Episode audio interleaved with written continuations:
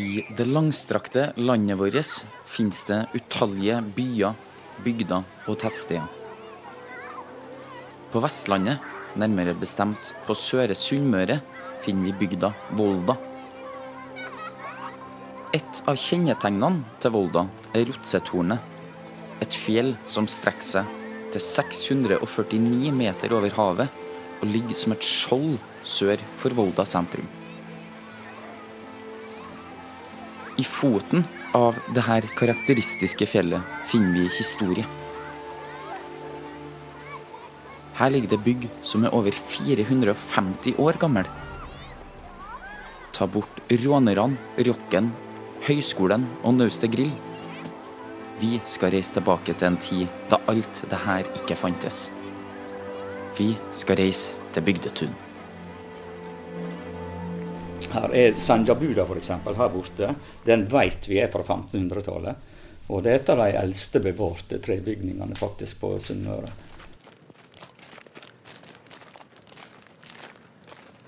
Mens Rotsetornet skygger oss for morgensola, spaserer vi forbi gjerdet som leder inn mot Bygdetun. Det vi ser, er en rekonstruksjon av hvordan et bygdetun på 1800-tallet kunne se ut. Rundt oss ser vi bl.a. stabbur, kvernhus og bedehus. De fleste lafta og med torvtak. Rundt oss ser vi totalt 19 bygg, og idet vi står midt på tunet, føles det ut som vi er tilbake på 1800-tallet. Vi beveger oss mot Kornbergstova, som er et av de første husene som ble satt opp på Bygdetun for å ta en kopp kaffe.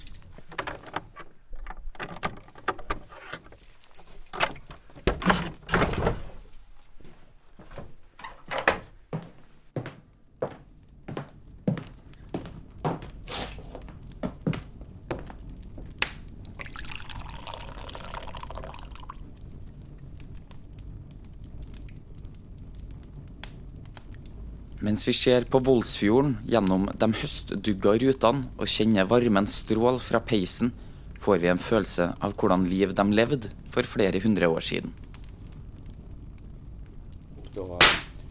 Hør her. Sånne smeller blir det ofte når en fyrer opp i, i, så store gruer som er litt sånn her Dovregubbens halvdimensjoner over. Men det varmer godt. Det, det, det var den varmekilden de hadde. De hadde ikke elektrisitet, vet du, så de måtte ha store gruer for varmen sin del, og middagslaging og alle sånne ting. Når vi ser rundt oss inn i Kornbergstova, ser vi redskaper, gamle hyller og den flotte peisen som puster varme mot oss. På veggene i den ikke så altfor store stua ser vi også at det henger noen bilder. En del av dette møblementet hører faktisk til bygningene. Noe er henta fra andre steder, men det er sørga for at det er tidskorrekt, og de matcher husene sin historie. En av de tingene vi ser som faktisk hører til huset, er et av bildene på veggen. En oval ramme som viser ca. tolv personer. Og alle disse personene der bodde under dette taket her og flere også. Det var flere som ikke var til stede. så vidt jeg vet. Det var fire, fem, jeg tror det var 16 eller 17 personer på det meste, fordelt på tre generasjoner, som bodde i dette huset her samtidig. Hvor mange kvadrat er det? Nei, Det vet jeg faktisk ikke. Men eh, vi som står her nå, vi ser at det, vi eh, forstår at det har sikkert gått ei kule varmt innimellom når det er så mange som bodde samtidig. Men denne tida der så var folk veldig lite inne. Det var kona på gården som var sjef på tunet, stort sett. Resten var ute og jobba. Ungene var ute og leika. Så her inne var de stort sett når de sov, eller når de åt middag. Når det bare er kaffegruten igjen i bunnen av koppen, beveger vi oss ut igjen. Nå skal vi enda lengre tilbake i tid.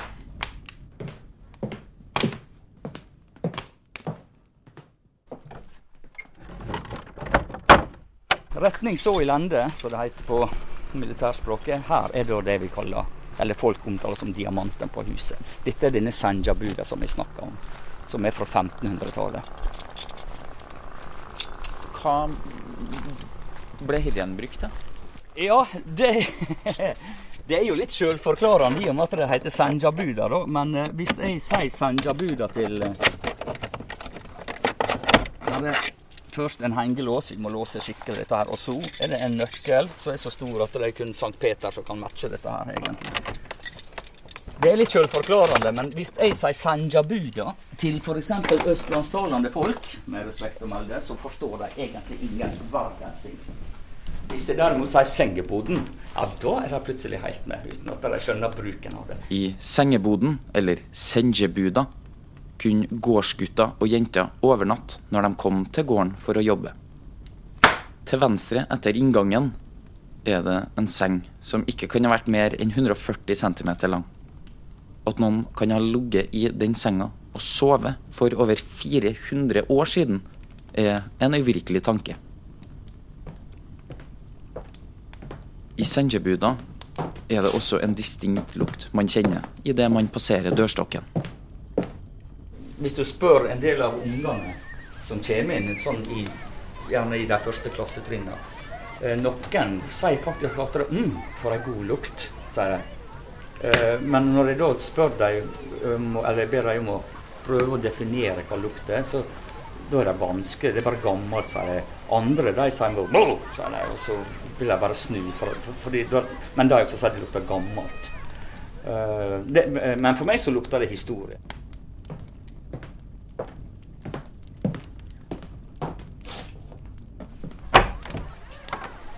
Må ut gjennom den gamle døra her.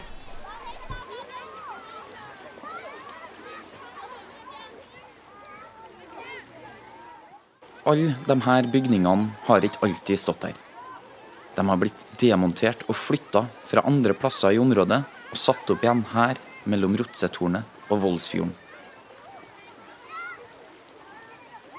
For lenge siden så kunne folk jobbe, leke og leve på et sted som så ut som bygdetun. I dag har det blitt mer en attraksjon enn noe annet et utemuseum med sjel, der man kan få en ørliten smakebit på hvordan våre forfedre har levd. Det har blitt en plass som mange setter pris på.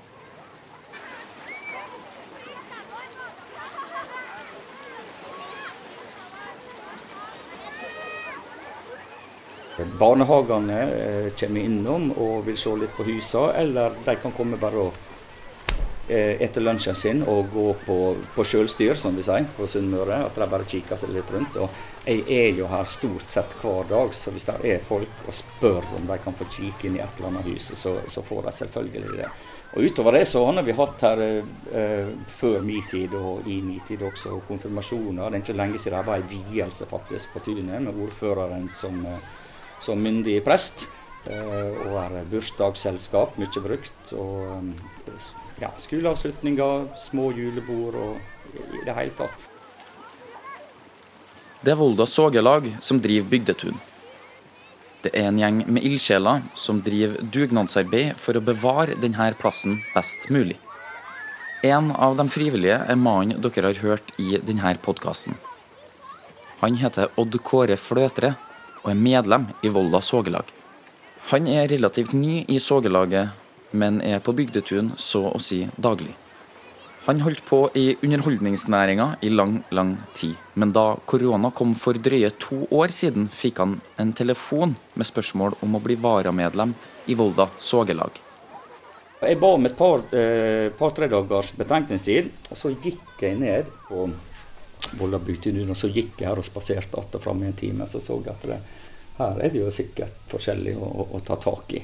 Og Så da tenkte jeg at ja, hvorfor ikke?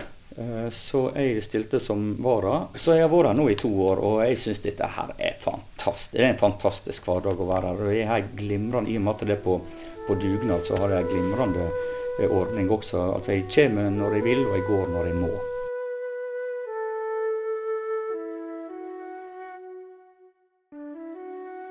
Odd Kåre har et spesielt mål med bygdetun. Dette tunet det, det skal være for alle. Det skal være en lavterskel. Folk skal komme seg og kose seg, bruke tunet og forhåpentligvis gå herifra med en tanke om at det, dette her var så kjekt at her vil vi gjerne komme tilbake.